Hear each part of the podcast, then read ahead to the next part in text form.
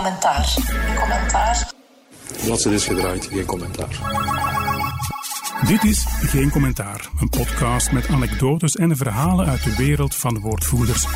Die hoor en zie je meestal voor de microfoon of de camera. Maar wat daarachter gebeurt, blijft vaak geheim.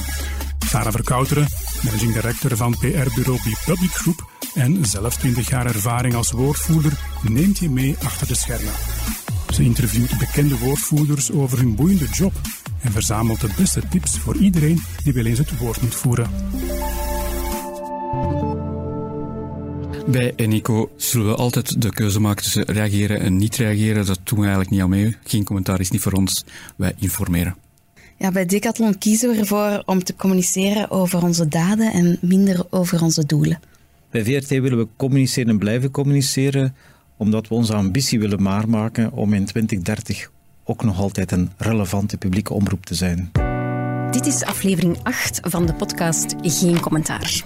En het is een speciale editie, want we hebben deze keer niet één, maar wel drie woordvoerders uitgenodigd. Om terug te blikken op het afgelopen jaar en vooruit te kijken naar de trends van 23. Rond de tafel vandaag Mark van Hamme, woordvoerder bij energiebedrijf Eneco. De stijgende energieprijzen zorgden niet alleen bij consumenten en bedrijven voor kopzorgen, maar ook bij energiebedrijven zelf was het allerminst business as usual. Straks meer daarover. Julie Nevian, press- en PR-leader bij sportwinkelketen Decathlon.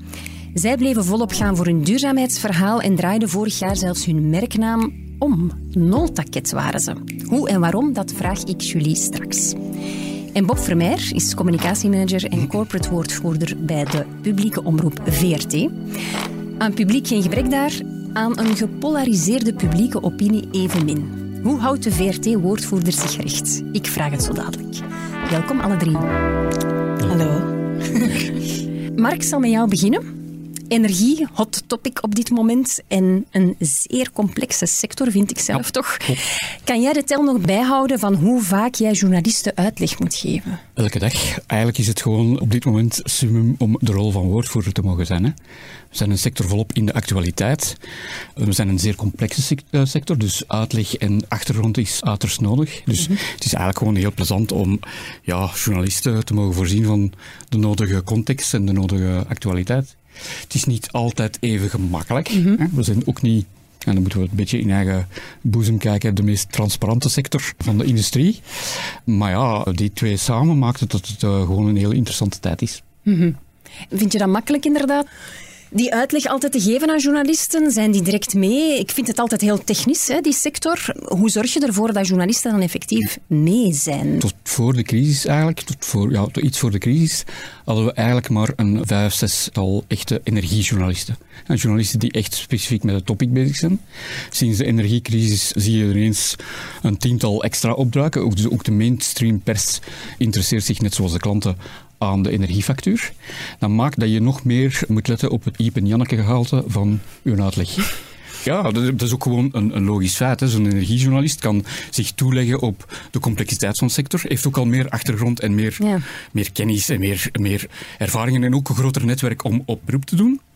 Terwijl natuurlijk de modale journalist die in het weekend de accidenten verslaat, zal ik maar zo zeggen, en die in de week de energiefactuur moet verslaan, ja, die wordt geconfronteerd met iets dat ja, zelf meestal niet snappen. En dus daar is het heel belangrijk dat we eigenlijk geduldig uitleggen waar en waaraf en waarom. Ja, blijven uitleggen. Blijven dus, uitleggen, eh, snap absoluut. ik. Ja. ja, Julie, ook voor jou was het een druk jaar vorig jaar, hè, want jullie hadden een naamsverandering aan te kondigen. Hè. Decathlon werd Noltaket, of toch voor een bepaalde tijd. Ja, was dat een grote stap? Ja, een grote stap, zeker. Eh, internationaal was er ook eh, wel reactie op gekregen van...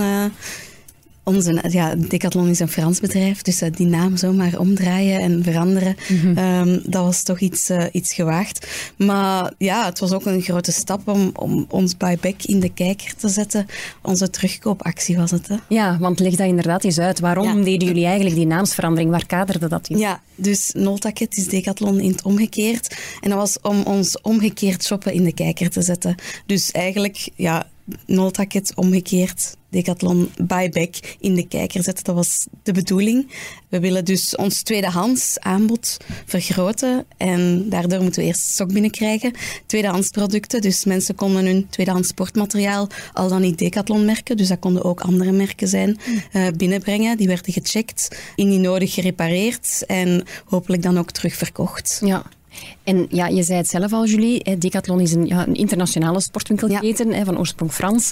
Ja, hoeveel heb je eigenlijk dan te zeggen als communicatieverantwoordelijke van het kleine land België heb je, heb je vrijheid eigenlijk om, om, om te communiceren, om te experimenteren. Ja, dat is wel het hele leuke aan Decathlon. We zijn een bedrijf met een heel platte structuur, met ja, subsidiariteit, zoals we dat noemen, mm bij Decathlon. Dus de beslissing lokaal wordt genomen waar dat het meeste impact heeft. Dus in België hebben wij ons eigen communicatieplan, gelinkt natuurlijk aan een aantal internationale richtlijnen.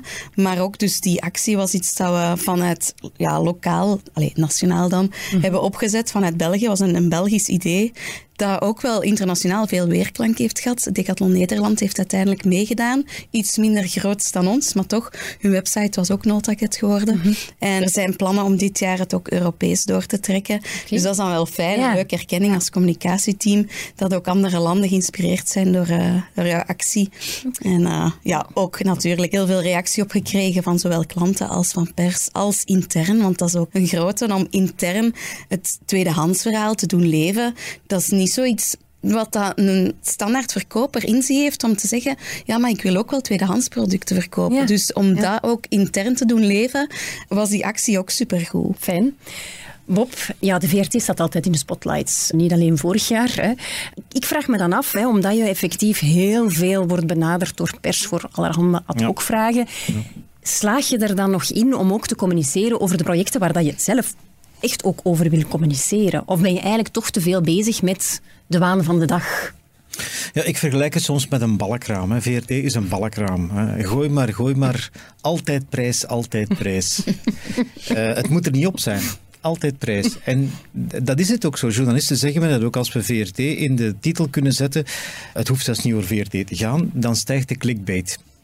En dan stijgen de kliks, met andere woorden, goed werk geleverd, maar natuurlijk wel op kap van de reputatie van VRT. En dus we worden vaak meegesleept in een aantal topics waar we eigenlijk beter van wegblijven.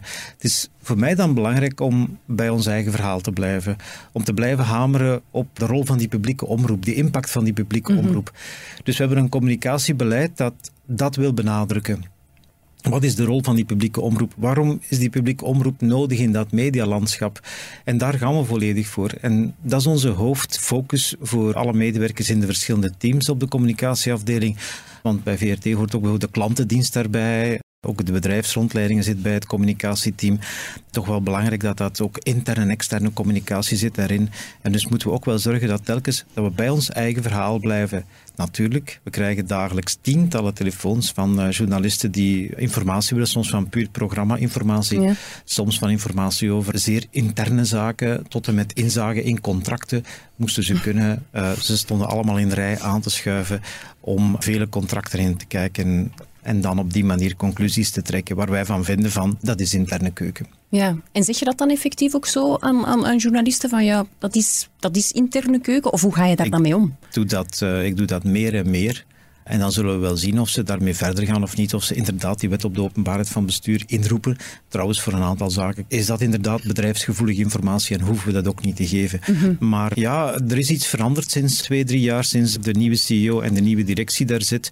Is er iets veranderd? We zijn veel ambitieuzer geworden, veel zelfzekerder geworden dat uit zich ook in een communicatiebeleid dat inderdaad zelfzekerder en ambitieuzer is. Zelfbewuster is misschien nog een uh, goed woord ook. Mhm. Dus alle boodschappen worden ook daaraan afgetoetst. En dat is wel handig om die woorden te hebben, omdat je een soort van kompas hebt. Straalt dit zelfbewustzijn uit, ambitie uit. En mhm. ambitie moeten we ook wel in de goede context zetten. We willen ook in 2030 nog relevant zijn als mediabedrijf, als publieke omroep. We denken dat we een opdracht hebben in de maatschappij. En we willen bij die opdracht blijven, maar dat betekent niet dat we ons door elke journalist ergens aan de schandpaal gaan mhm. laten nagelen.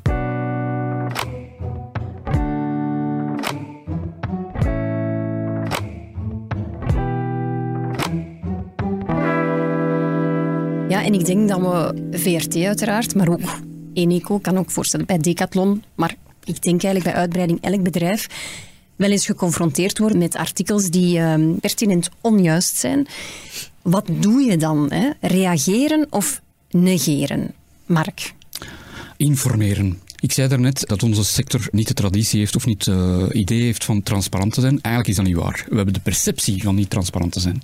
En dus we zijn heel gevoelig aan clickbait titels en zeer extreme positioneringen. Mhm. En het enige wat helpt, denk ik, volgens ons, is niet in een hoekje blijven zitten en blijven informeren en blijven communiceren met jouw stakeholders en dus met de journalist.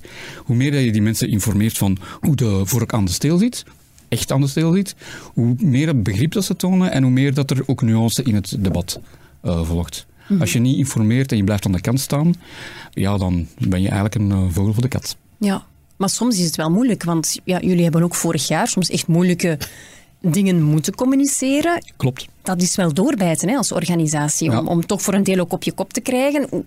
Moeilijk gaat ook, moeilijk gaat ook. Dus eh, ik denk, wegsteken is nooit geen optie, is eigenlijk nooit een optie geweest voor ons. Mhm. Eh, eigenlijk is onze rol, de rol naar onze klanten toe, de rol naar onze mediarelaties toe, is informeren. Mhm. Informeren zodanig dat je begrip krijgt voor de complexiteit, voor een bepaalde situatie, voor de reden van een bepaalde situatie. Dus dat is eigenlijk altijd wel belangrijk. Mhm. Nu, wat we ook wel doen en waar we ook wel op inzetten, is die journalist eh, of de journalisten toegang geven tot, een, eh, tot expertise binnen onze organisatie. Want ik kan me echt inbeelden dat sommige journalisten die met een bepaald topic worden geconfronteerd, ja, dat, is, dat, dat ook zelf heel moeilijk vinden. En dan is het eigenlijk onze rol, denk ik, als communicatiedienst of als woordvoerders, om ja, toegang te geven tot expertise, gecontroleerde toegang, tot expertise in, in onze organisatie. En Ja. zodanig ook gewoon meer begrip en meer, meer kennis op te bouwen. Ja. We brengen journalisten in contact soms met specialisten die we hebben rond AI bijvoorbeeld. Heb ik nog vandaag een vraag gekregen. En we hebben daar inderdaad mensen op onze innovatiedienst op werken. En dan, waarom zouden we die informatie dan niet delen? Waarom zouden we die know-how niet delen? Het, het profileert ons ook als expertisecentrum en we komen op die manier ook positief in de kijker. Hè? Ja. En voor de rest, als er fouten zijn, ja, dan proberen we die te laten rechtzetten. En journalisten staan er echt ook wel voor open. Als er een echte feitelijke fout is, dan staan ze voor open om die fout recht te zetten. Ze hebben ook geen belang om foute informatie te verspreiden. Anderzijds, er was vorig jaar een voorbeeld van een tweeluik in een niet nader genoemde krant die het had over de vergoeding van onze schermgezichten. Daar stonden vele fouten in, maar we hebben ervoor gekozen om daar niet aan mee te werken. Als je dat gaat beginnen rechtzetten, dan ga je eigenlijk ook inkijk geven in datgene waarvan we vinden, daar moeten we geen inkijk in geven. En dus hebben we daar niet aan meegewerkt. Dan is het de verantwoordelijkheid van die bepaalde journalist om die of die fouten te schrijven. Die krijgt dan maar de druk van die schermgezichten en hun managers ook maar, omdat daar natuurlijk ook wel zaken gezegd zijn die Ja. absoluut niet kloppen. Ja. Ik wil daar eigenlijk nog wel op ingaan, Ja. want voor ons is het ook altijd de bedoeling geweest om eerlijk te communiceren. Dus als er fouten gebeuren, ja, we gaan, die- we gaan die fouten ook niet uit de weg. Bedoel, dat onze klantendienst niet bereikbaar is, ja, dat moeten we niet onder stoelen of banken steken. Dat is gewoon zo. Maar we moeten wel uitleggen en begrip vragen waarom. En dus eigenlijk on- ons verplaatsen in de rol van de lezer is eigenlijk heel belangrijk.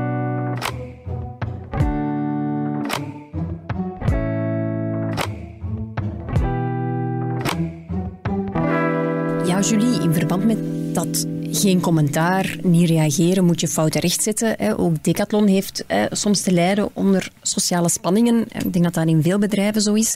Betekent dat effectief ook een andere aanpak van communicatie bij jullie? Ja, alleen andere aanpak. Wij willen zo transparant mogelijk zijn eigenlijk altijd bij Decathlon. En dat is het moeilijke, dat alles wat dat met de vakbond te maken heeft, ineens moeilijker ligt of zo. En ineens niet meer door het communicatieteam wordt gedaan, maar door de vakbondsverantwoordelijke. En dat daar ook zo wat interne discussie over is, van wat zeggen we daar nu over of wat zeggen we daar niet over. En hoe reageren we daarop? De afgelopen jaren was vaak de strategie geen commentaar. We zijn daar nu sinds een aantal jaren wel eh, ja, actiever op aan het werken. Ehm, maar het is redelijk actueel bij ons helaas op Ja. dit moment. Dus het is, het is een, een moeilijk evenwicht vinden van... We willen transparant zijn, maar we willen ook geen discussies in de pers gaan voeren. Dus we willen niet de interne zaken via de pers laten gaan. Zeker omdat wij vaak met externe vakbonden te maken hebben. Wij willen praten met onze eigen medewerkers en die discussies intern houden. En niet via de pers dan praten en dat onze medewerkers het daar gaan lezen. Ja. Dus, dus dat is een belangrijke. De discussies intern houden, maar toch onze klanten dan informeren, bijvoorbeeld over stokproblemen. Van ja, kijk, we betreuren het dat er stokproblemen zijn. We gaan ze ook wel niet ontkennen, want ja, als de klant de winkel binnenkomt, zien ze ook wel dat er misschien wat minder uh, Ja. producten zijn. Dat de evenwichtsoefening tussen inderdaad wel juist informeren en langs de andere kant ook niet het g- groter maken of wat dat je zegt, interne problemen extern gaan uitvechten. Ja. Wat mij betreft is interne communicatie gelijk aan externe communicatie en omgekeerd. Eh, dus wat we extern communiceren en de boodschap die we daar zetten, is wat we intern doen en omgekeerd. Als daar ergens een ruis op de lijn zit, ja, dan hebben we een probleem.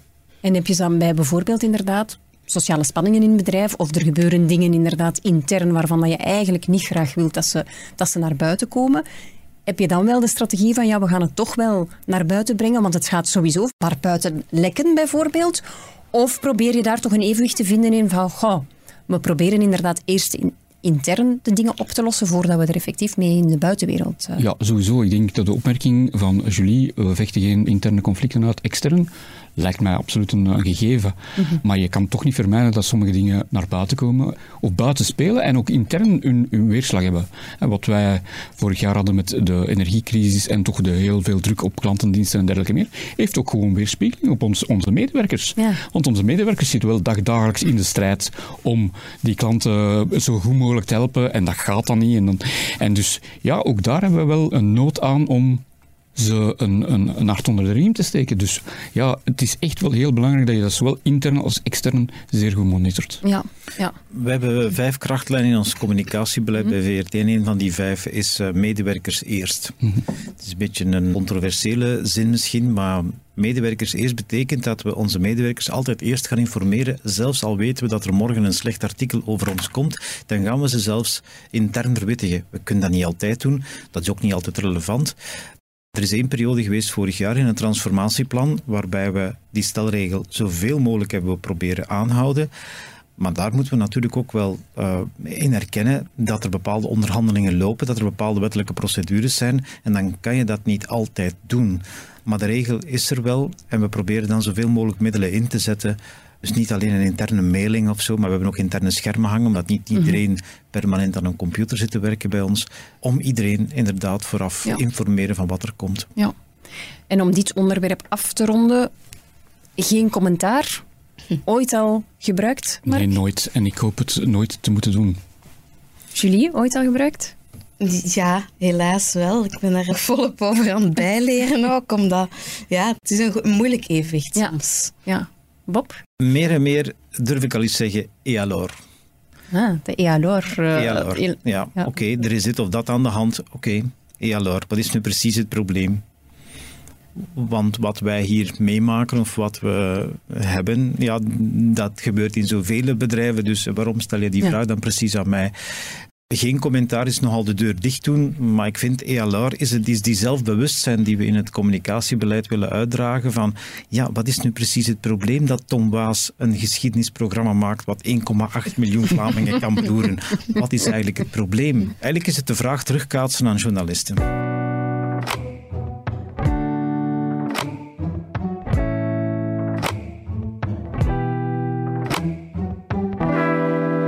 Iets totaal anders.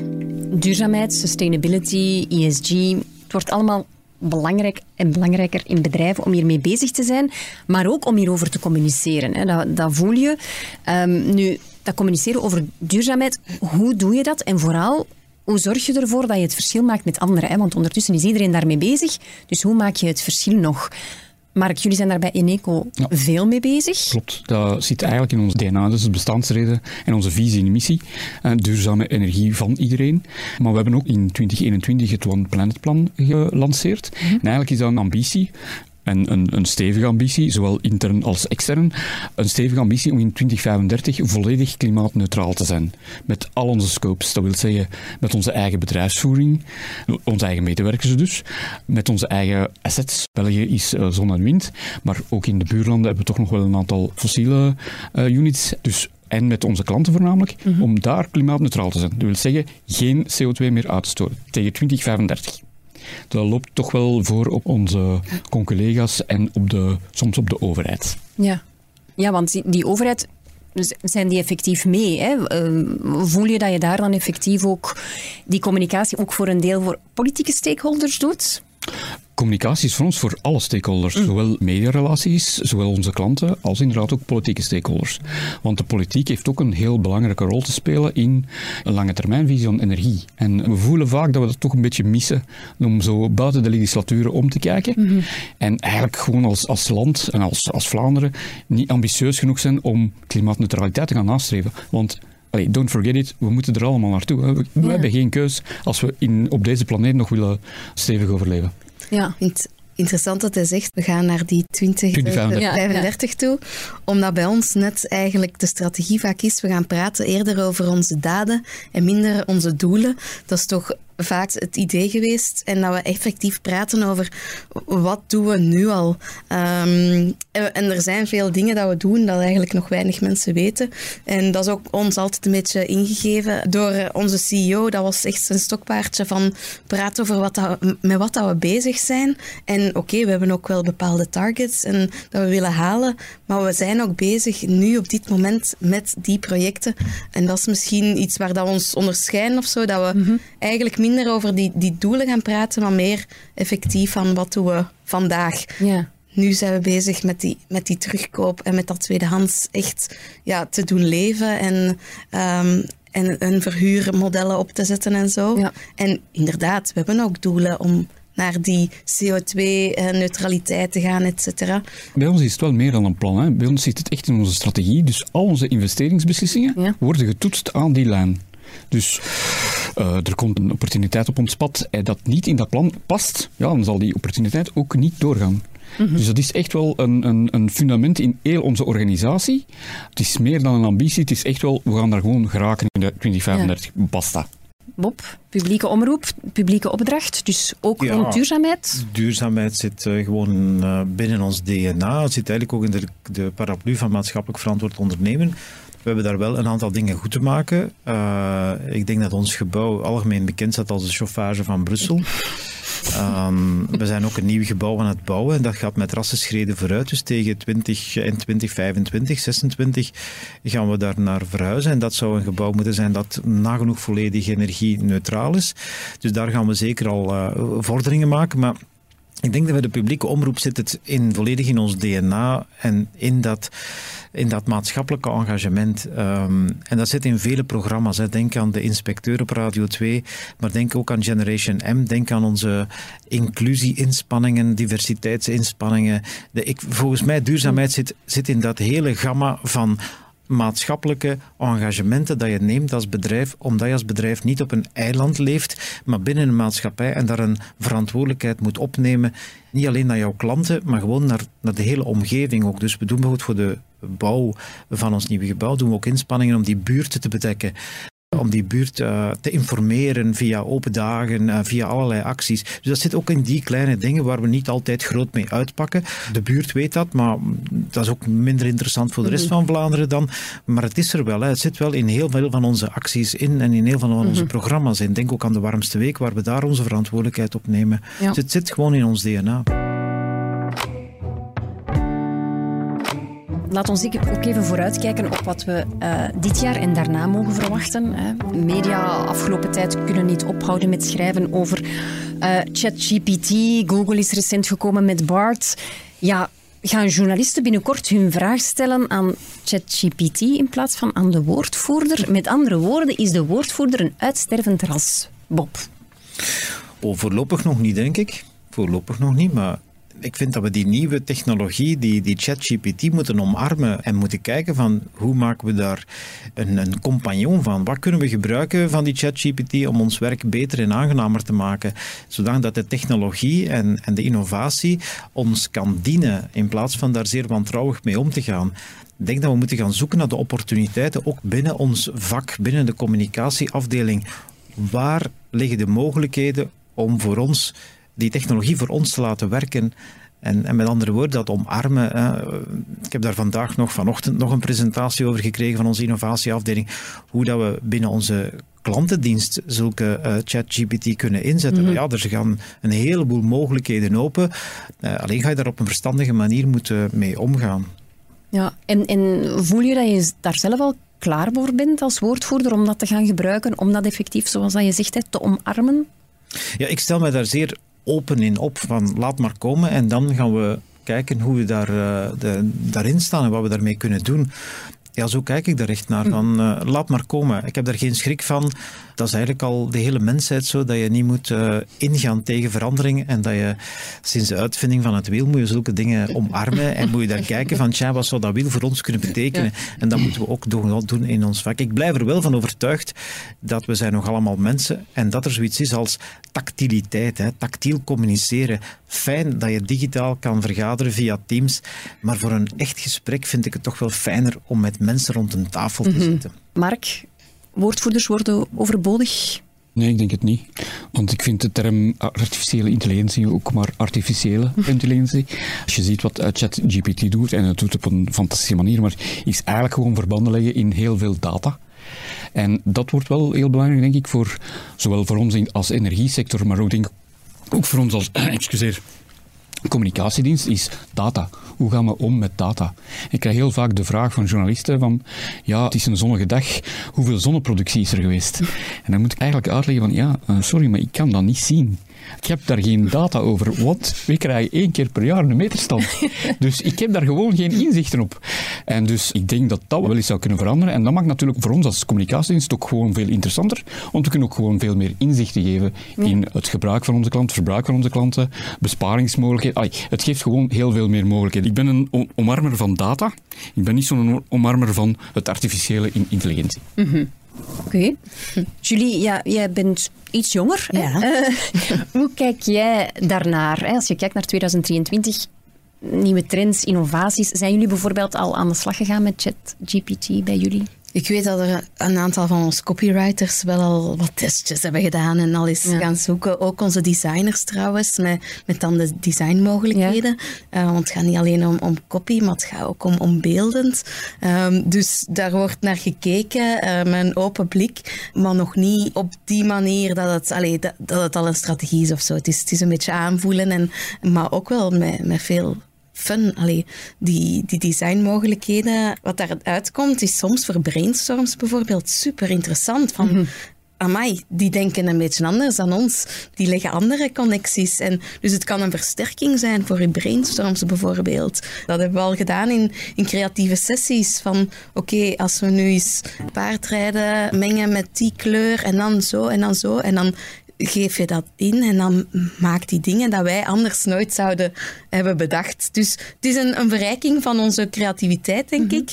En puur voor, voor mijzelf, voor, voor woordvoerder, denk ik wel dat ik me dit jaar eens ga, ga verdiepen daarin. Uh, hoe dat, dat mij bijvoorbeeld kan helpen met bepaalde statements te schrijven. En ik denk inderdaad dat je hebt nog altijd je het menselijke dat toch nog altijd anders is dan puur het factuele. Van welke toon geef je een bepaald bericht? Ik weet zelf niet hoe ver dat, ze, dat er daarin staat. Maar um, dus ja, ik, ik, denk dat het een verrijking kan zijn van de creativiteit vooral. Ja. Uh, ja. Zeg, en bij Decathlon, omdat jullie zo'n platte structuur hebben, ja. hè, je, je, sprak er daar straks al over, ja.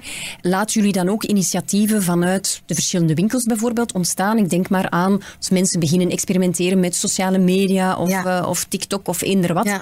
Is dat iets dat kan, dat jullie dan laten ontstaan? Of zeggen jullie, nee, nee, daar proberen wij wel de communicatielijn te bewaken en alles zelf in handen Het is een oefening. Het is zeker een oefening op dit moment. Het is tot eigenlijk vorig jaar heel losgelaten. Mm-hmm. Al onze winkels hebben hun eigen Facebookpagina, Instagrampagina en sinds kort hun eigen TikTok-pagina.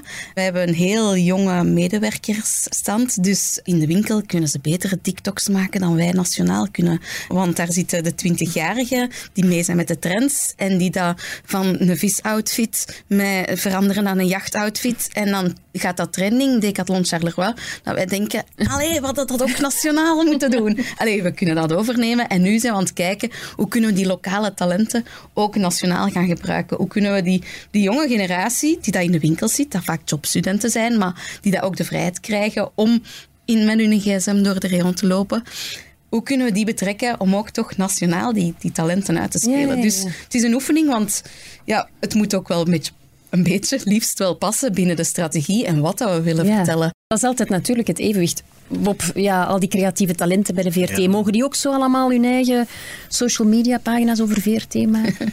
En van sommigen zou ik liever hebben dat ze een beetje minder eh, sociale media doen. Ehm, wat we al een paar keer gedaan hebben is aan stagiairs. Ik heb eh, in ons communicatieteam bijna permanent eh, twee stagiairs. Omdat ik ook wil, dat is een vorm van ja, iets teruggeven aan de maatschappij. Voilà, laat jonge mensen hier ervaring opdoen en tegelijkertijd die jonge talenten inspireren ons. En wat we dan al eens doen is zeggen van ja, kijk, hier is uh, iets wat lijkt op een fototoestel en hier is een smartphone. Loop eens rond in het gebouw en doe eens wat TikTok. Hè. En dan, ja, zij kennen dat, die taal en zij kennen die, die techniek en dan, ja, dan produceren ze TikTok en ze krijgen er echt de vrijheid van mij van doe maar. Dan zie ik TikTok-filmpjes verschijnen waarvan ik niet goed begrijp wat, wat dat is. Maar dat, dat piekt dan. Ja, dat is fantastisch gewoon. Dus enerzijds, voilà, hier gebruik ons kanaal en uh, doe maar.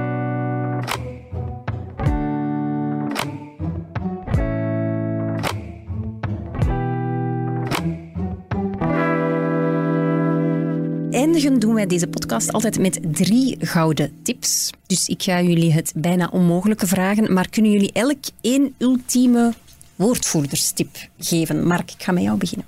Eén? Uh, Maak ik er drie? Eén. Oh, nee, drie. nee, ja, ja. Ieder, ieder één is drie. Uh, ik kan ze in één zin. Eerlijkheid, transparantie en informatie. Oké, okay. kort en krachtig. Voilà. Waarvoor dank. Julie? Ja, bij ons is toch nog altijd een gouden regel: laat je experten aan het woord. Want ik heb niet de kennis over alles binnen ons bedrijf en ik wil dat ook niet claimen dat ik dat heb. Dus wij zijn heel hard voorstander van dat al onze medewerkers woordvoerder kunnen zijn, of toch de, de leaders van bepaalde projecten.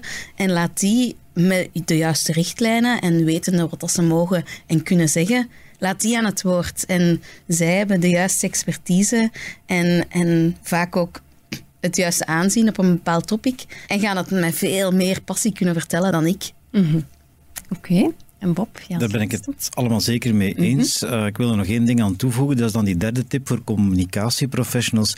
Ga op café. Oké. Okay. En daarmee bedoel ik, ga op café, een normaal café. Ik bedoel daarmee een café buiten jouw eigen omgeving. Praat met, tussen aanhalingstekens, gewone mensen, andere mensen. Zodanig dat je weet, wat leeft er precies in de maatschappij? Waar moet je als communicatieprofessional jouw voelsprieten hebben? Ja, dat is niet op jouw eigen bureau. Hè. Dat is niet bij de collega's, hè, want dat is in dezelfde bubbel. Uh, waar moet je als communicatieprofessional rekening mee houden? Ja, dat is wat daar buiten leeft. Hè. Je staat, wat ik daarnet al zei, je staat niet op een eilandje, je zit niet in de bubbel. We zitten allemaal te veel in de bubbel van de hoger opgeleide communicatieprofessional. Terwijl, ja, praat eens met, dus aanstekens nog eens, de gewone mensen, jouw klanten, jouw consumenten. Uh, loop op de werkvloer rond. Praat met andere medewerkers. Met andere woorden, kom buiten. Samengevat, ga op café. Oké. Ik onthoud uit dit gesprek, Mark, dat jij soms wel eens in Jip en Janneke taal moet praten. Julie, dat jij graag experimenteert met naamsveranderingen bij Decathlon. En Bob, dat jij heel graag op café gaat, blijkbaar. Bedankt voor dit gesprek. Graag gedaan. Graag gedaan.